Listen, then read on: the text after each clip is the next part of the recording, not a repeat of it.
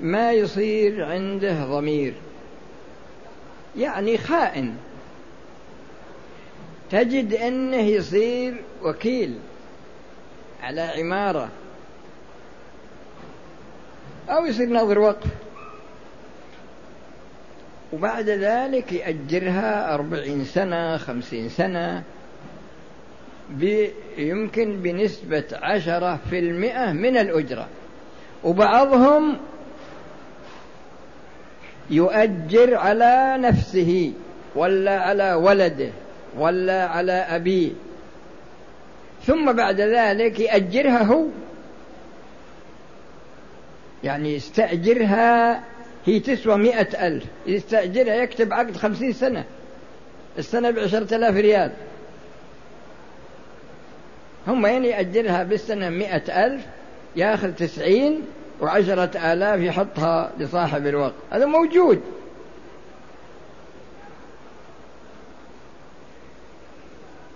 الغرض إنه إذا منه زالت ولايته مع بقاء عقد الإجارة. هل ينفسخ العقد ولا ما ينفسخ؟ هذا الكلام. أما بالنظر إلى كون إنه تعدى هذا له نظر آخر من الناحية الشرعية. ما لنا فيه شغل هذا. وفيما بينه وبين الله لكن الكلام هل ينفسخ العقد إذا كان إن الشخص هذا إذا كان وكيل عن شخص توفرت فيه الشروط وانتفت فيه الموانع انتفت عنه الموانع فالعبرة بالموكل وليست العبرة بالوكيل. العبرة بالموكل وليست العبرة بالوكيل وبناء على ذلك إذا انتهى عقد الوكالة ما يكون له علاقة بعقد الإجارة. يكون العبرة بالموكل الموكل موجود العبرة بالأصيل يعني قصدي العبرة بالأصيل. الأصيل موجود على قيد الحياة وبناء على ذلك يوكل وكيل آخر والوكيل الثاني يمشي على نفس الخط.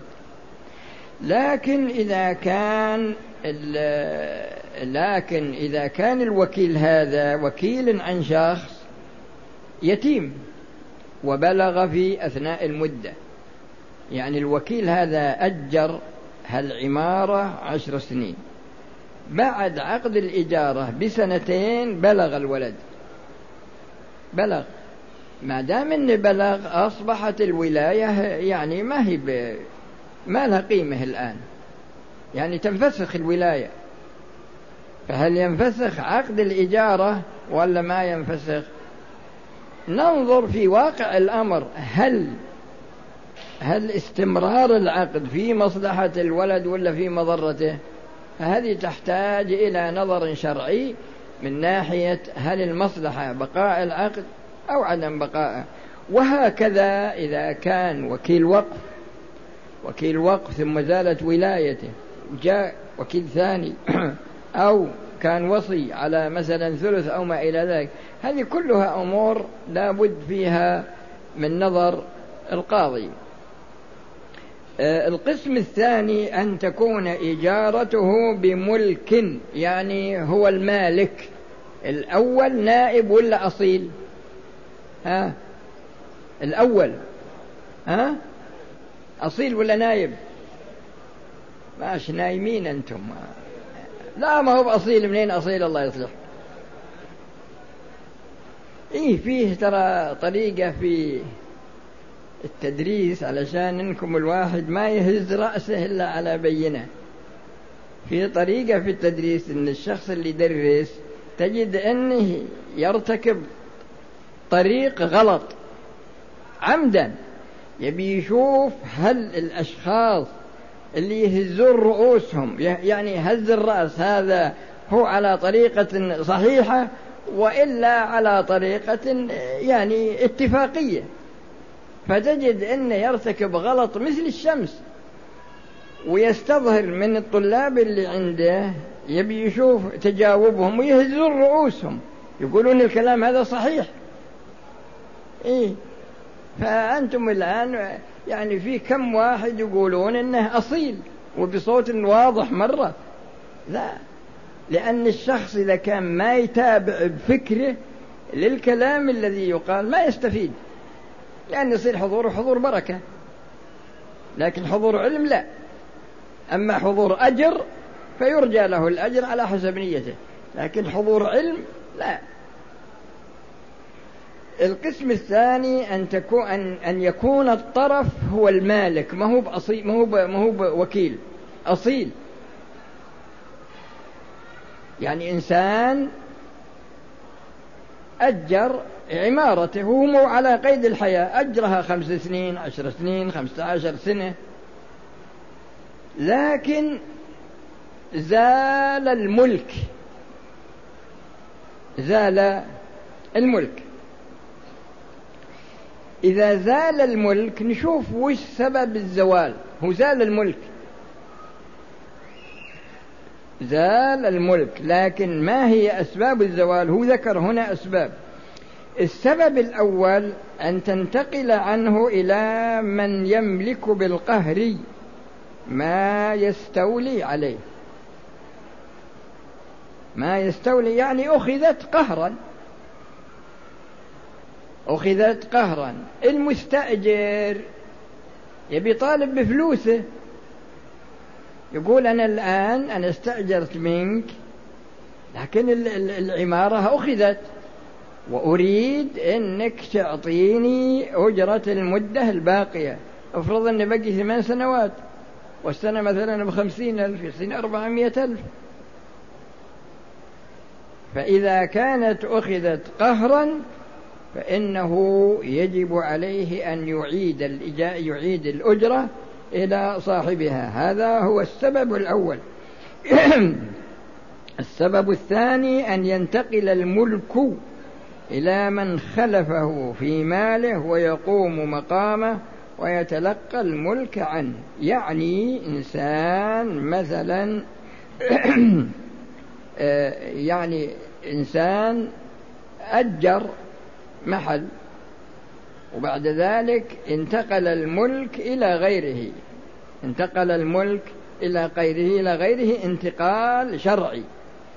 إذا انتقل انتقال شرعي اللي حل محل الشخص الأول هذا ما يملك الاعتراض على العقد. بل العقد يكون آه، يكون نافذا. السبب الثالث أن يكون مزاحما للأول في الاستحقاق ومتلقيا لذلك عمن تلقاه الأول لكن لا حق له في العين إلا بعد انتهاء استحقاقه هذا مثل الآن مثل ال ال الأوقاف المرتبة على حسب البطون. فالثاني يتلقاه من الأول البطن الثاني يتلقاه بعد انقراض البطن الأول. البطن الثالث يتلقاه بعد انقراض البطن الثاني. فعندما فعندما ينقرض البطن الأول والإجارة قائمة هل يقال بانفساخ العقد؟ وإلا يقال إن العقد لا بد أن يكون ثابتا. هذه أيضا كما ذكرت لكم يرجع فيها إلى النظر الشرعي.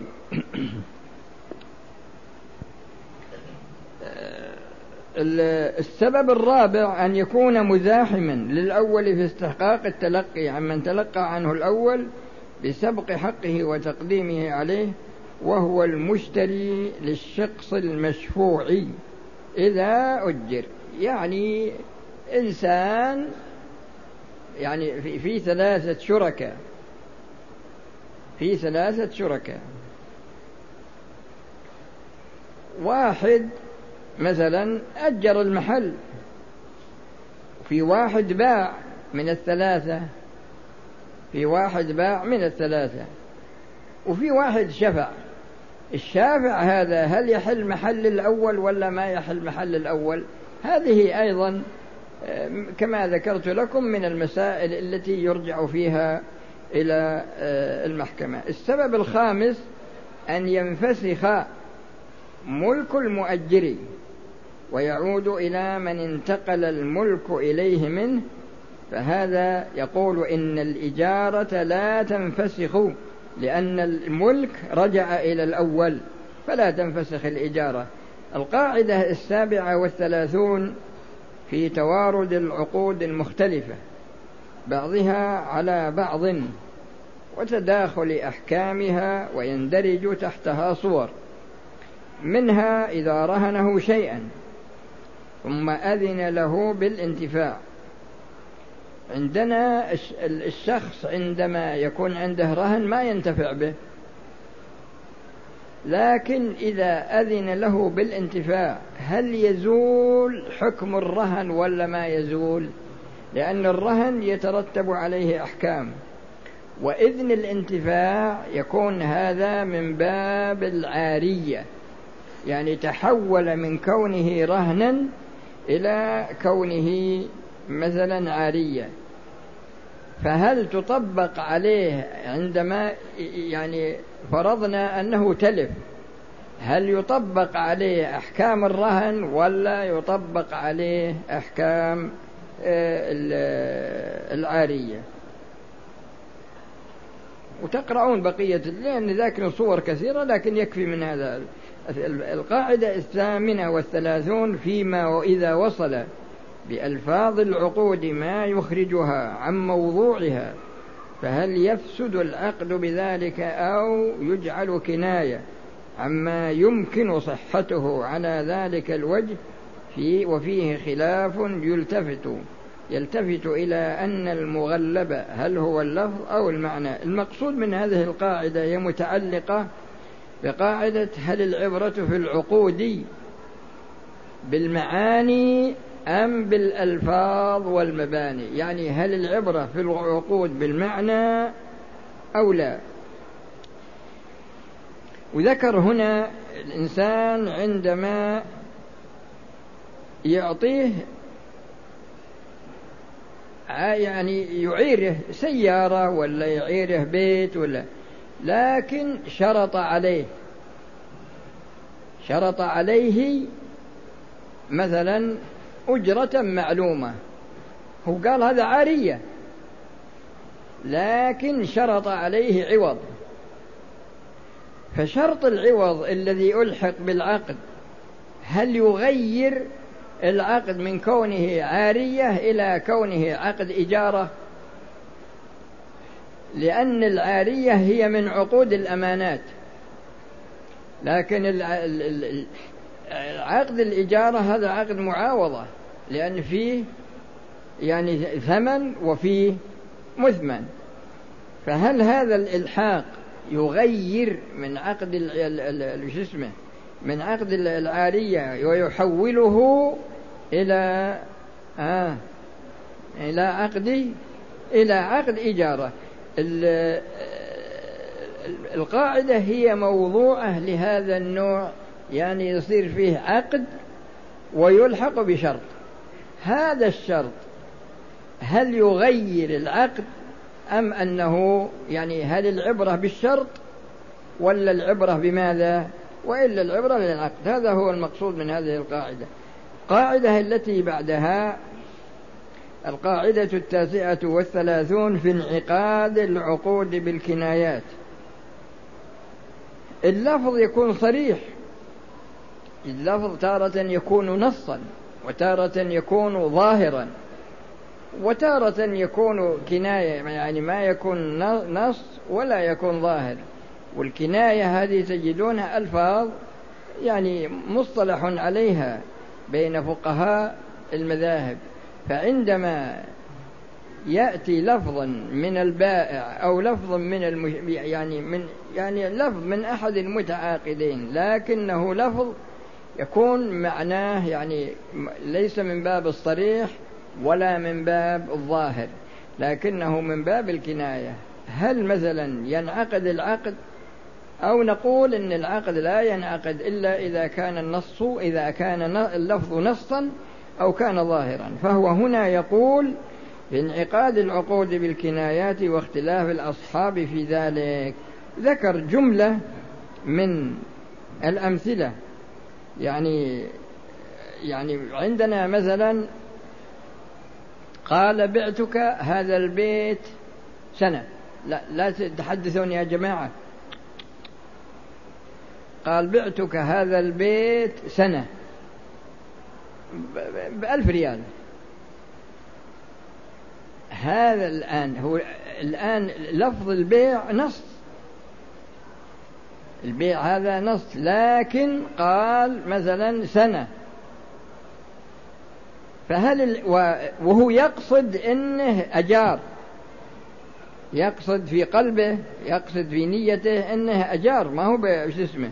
لكن أتى بلفظ البيع. أتى بلفظ البيع قال بعتك هذا البيت مدة سنة. بكذا بألف ريال بألفين ريال. فهذا يسمونه كناية يعني جاء لفظ البيع. لكن المقصود فيه المعنى المرجوح وليس المقصود فيه المعنى الراجح. وذلك بقرينة ماذا؟ بقرينة تحديد مدة ماذا؟ ها مدة السنة.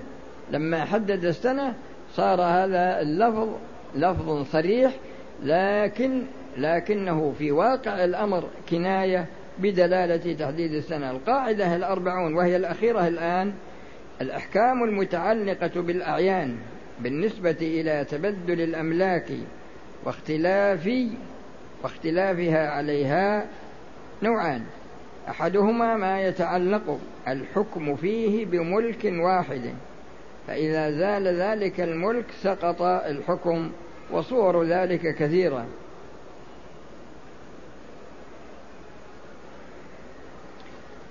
آه، يقول منها الإجارة فمن استأجر شيئا مدة فزال ملك صاحبه عنه بملك بتملك قهري. يشمل العين والمنفعة ثم عاد إلى ملك المؤجل والمدة باقية لم تعد الإجارة. يعني إنسان أجر بيت عشرين سنة على واحد. ويوم مضى مثلا ثلاث سنين أخذ البيت منه قهرا. وبعد مضي ثلاث سنين من أخذه قهرا رجع إليه رجع إلى المالك. هل يعقود هل هل هل يعود عقد الإجارة ولا ما يعود؟ هنا يقول إنه لا يعود. آه، وذكر هنا النوع الثاني ما يتعلق الحكم فيه بنفس العين من حيث هي تعلقا لازما لا يختص تعلقه بملك دون ملك. وذكر من؟ الرهن. فإذا رهن عين الرهن اللازما ثم زال ملكه عنها بغير اختياره ثم عاد فالرهن باق يعني إنسان رهن سيارة ولا رهن بيت عند الواحد وبعد سنة سنتين أخذت هذه السيارة ولا أخذ هذا البيت. وبعد مضي مثلا آه، سنة رجع رجعت السيارة أو رجع البيت لكن مدة الرهن لا زالت باقية. فهل يرجع الرهن ولا ما يرجع؟ ها يرجع. يعني يعني يعود الرهن كما كان لأن العين رجعت إلى مالكها الأصلي. رجعت إلى مالكها الأصلي ومدة الرهن باقية. فحينئذ آه، يعود الرهن كما كان. وهكذا. وبالله التوفيق والسلام عليكم ورحمة الله وبركاته. ونكون وقفنا على القاعدة الحادية والأربعين. إذا كان في عندكم شيء أسئلة تتعلق بالموضوع لأن الدرس هذا هو آخر درس هذه السنة. إذا كان في عندكم شيء يت... يعني أسئلة ولا تتعلق بالموضوع.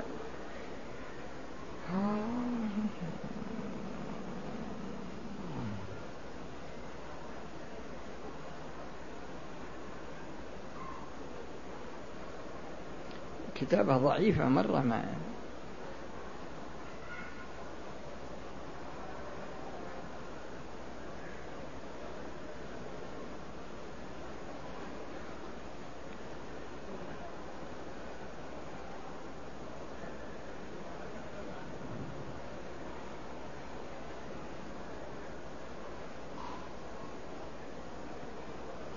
هذا يقول ودنا تنصحونا إحنا طلبة علم. والله أنا الإخوان اللي يسألوني عن النصيحة أنا أنصح في المرحلة الأولى بأمرين. أما الأمر الأول فهو العناية في حفظ القرآن. وأما الأمر الثاني فهو تعلم ما يجب على الإنسان وجوبا عينيا والعمل به. يعني يتعلم كيف يتوضأ كيف يغتسل كيف يتيمم كيف يصلي وهكذا. يعني لأن الواجب في الشريعة واجب على الكفاية وواجب على الأعيان. فالواجب على الأعيان هذا واجب على كل شخص أن يتعلم ما يجب عليه ويعمل به. أو بيتعلم وينسفه وراء ظهره كذا. لا مثل الحين كثير من الناس أعمارهم على عشرين سنة خمسة وعشرين. تلقى إلى جاء رمضان ما يصوم إلى جاء وقت الصلاة تلقاه يمر المسجد والناس يصلون ما يدخل وماشي ومبسوط ما شاء الله.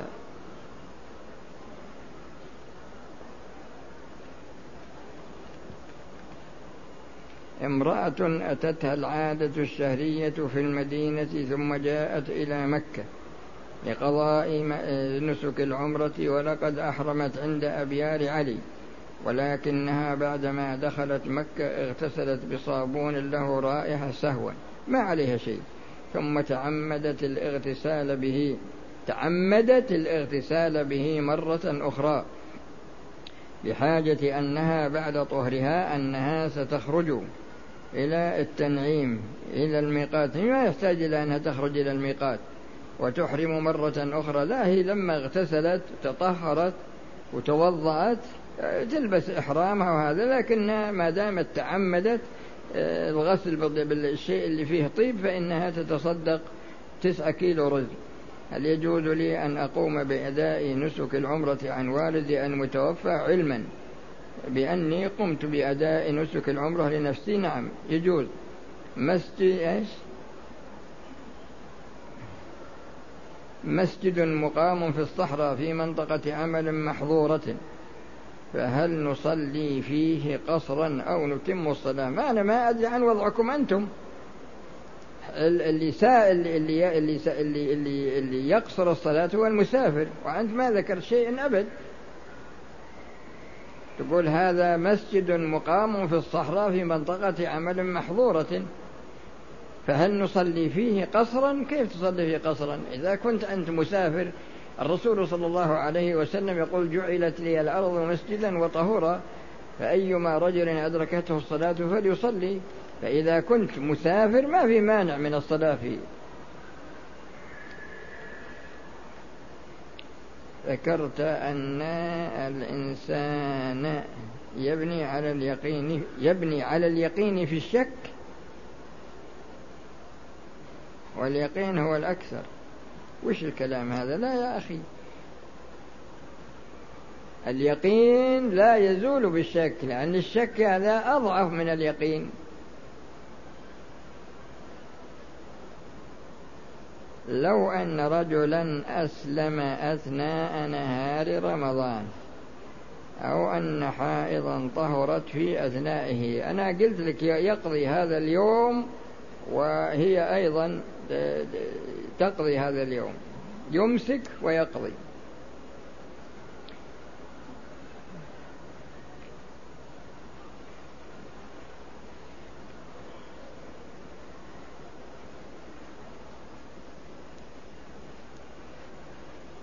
هذا سائل يسأل وبحوله على آه، يقول أرجو أن توضحوا لي هذه العبارة وهي أن لازم القول ليس بقول. شوف يا أخي في كتاب اسمه دلالة الالتزام وموجود في السوق بإمكانك أنك تشتريه وتبحث في جميع ما يتعلق بدلالة الالتزام. بدلالة الالتزام من جهة كلام الشارع ودلالة الالتزام من جهة كلام المكلفين. إذا اتخذت الأسباب للقيام للفجر فأخذني النوم بلا تفريط. هل إيش؟ هل أصبح في ذمة الله؟ أي لكن متى تنام أنت؟ يمكنك ما تنام إلا الساعة ثنتين ولا ثلاث وتحط ساعة تخرج. لا نم مبكر من بعد صلاة العشاء. نم مبكر من بعد صلاة العشاء وإذا نمت مبكر بيسر الله أمرك. كثير من الشباب الله يصلحهم دوامهم بالليل ما هو بالنهار. اشترطت زوجتي علي بيت مستقل. وبعد العقد قالت لي أسكن مع زوجتك الأولى ولكن بعد الزواج غيرت. وقالت إلا بيت يا أخي روح أنت وياها للمحكمه ما دام إنك في طرف وهي في طرف روح للمحكمة. أتيت بعمرة وأديت مناسكها فجرا وأتيت في العشاء بعمرة أخرى في نفس الوقت. ما عليك شيء جزاك الله خير. لكن لو طفت فطوافك أفضل من الإتيان بالعمرة إلا إذا كانت العمرة عن أحد ميت أو أحد عاجز أو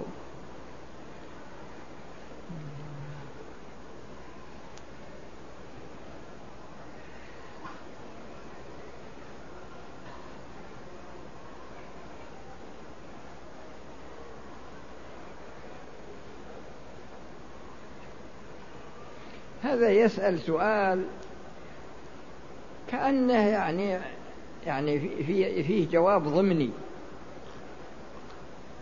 ما هو الجائز من الاستغاثة بالرسول؟ أنا شاهدت واحد هنا. ظهره إلى الكعبة ورافع يديه ويستغيث بالرسول في المدينة في الحرم هنا. يعني صار الرسول في المدينة أقرب من الله إليه وأقدر من الله. وشاهدتهم في المدينة يستقبلون القبر. ما يستقبلون القبلة؟ يستقبل القبر ويرفع يديه. يبي جلب نفع من الرسول أو دفع ضره. الرسول اللهم صل على محمد أدى الرسالة وانتهت علاقته بالدنيا وهو في البرزخ الآن عند الله. يعني روحه في الجنة في الفردوس الأعلى. وأنت الآن تبي تستغيث به هذا شرك أكبر. علي رضي الله عنه سئل قيل له كم بين السماء والأرض؟ يعني كم بيننا وبين الله؟ قال دعوة مستجابة. إنسان ما يستغيث يعني ممكن واحد حي قادر تبي مثلا يساعدك على سيارة يساعدك على حمل شيء لكن إنسان مثلا عاجز ومثل اللي يستغيثون بالجن هالحين موجودين. يسألونهم يطلبون منهم جلب النفع ودفع الضر. والرسول صلى الله والله تعالى يقول في الحديث القدسي من عمل عملا أشرك فيه معي غيري تركته وشركه.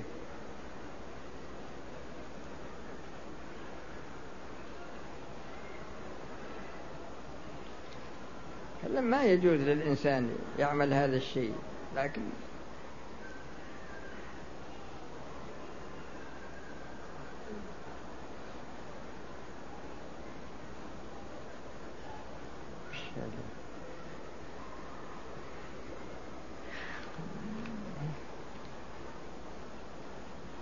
رجل من عادته يجلس في المسجد يوم الجمعة من الفجر إلى صلاة الجمعة لكن صار الدوام عليه يوم الجمعة من العاشرة إلى الخطبة فصار يجلس من الفجر إلى العاشرة. يا أخي الإنسان عندما يعمل عملا صالح عمله مقدم إلى كريم ما يصلح يحاسب يعني وش كثر الأجر اللي بيحصل له.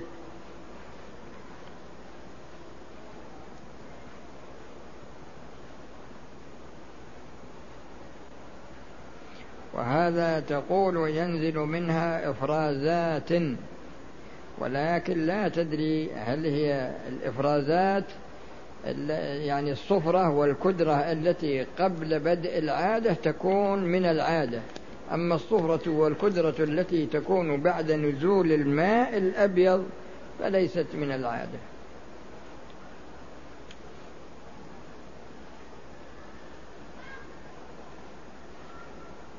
غالب حالي أنني أصوم يوما وأفطر يوما ولكن أدري في شهر شعبان أن أحدهم أكثر من ذلك.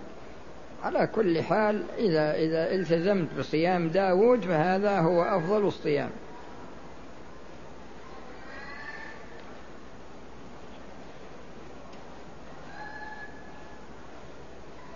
وهذا يقول هل يجوز للمعتمر أن يعتمر عمرة ثانية؟ نعم ما في شيء.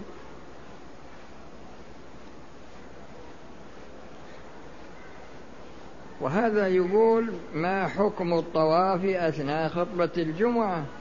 لا إذا كان خطبة الجمعة يجب عليك الاستماع ولا يجوز لك أن تشتغل في الطواف.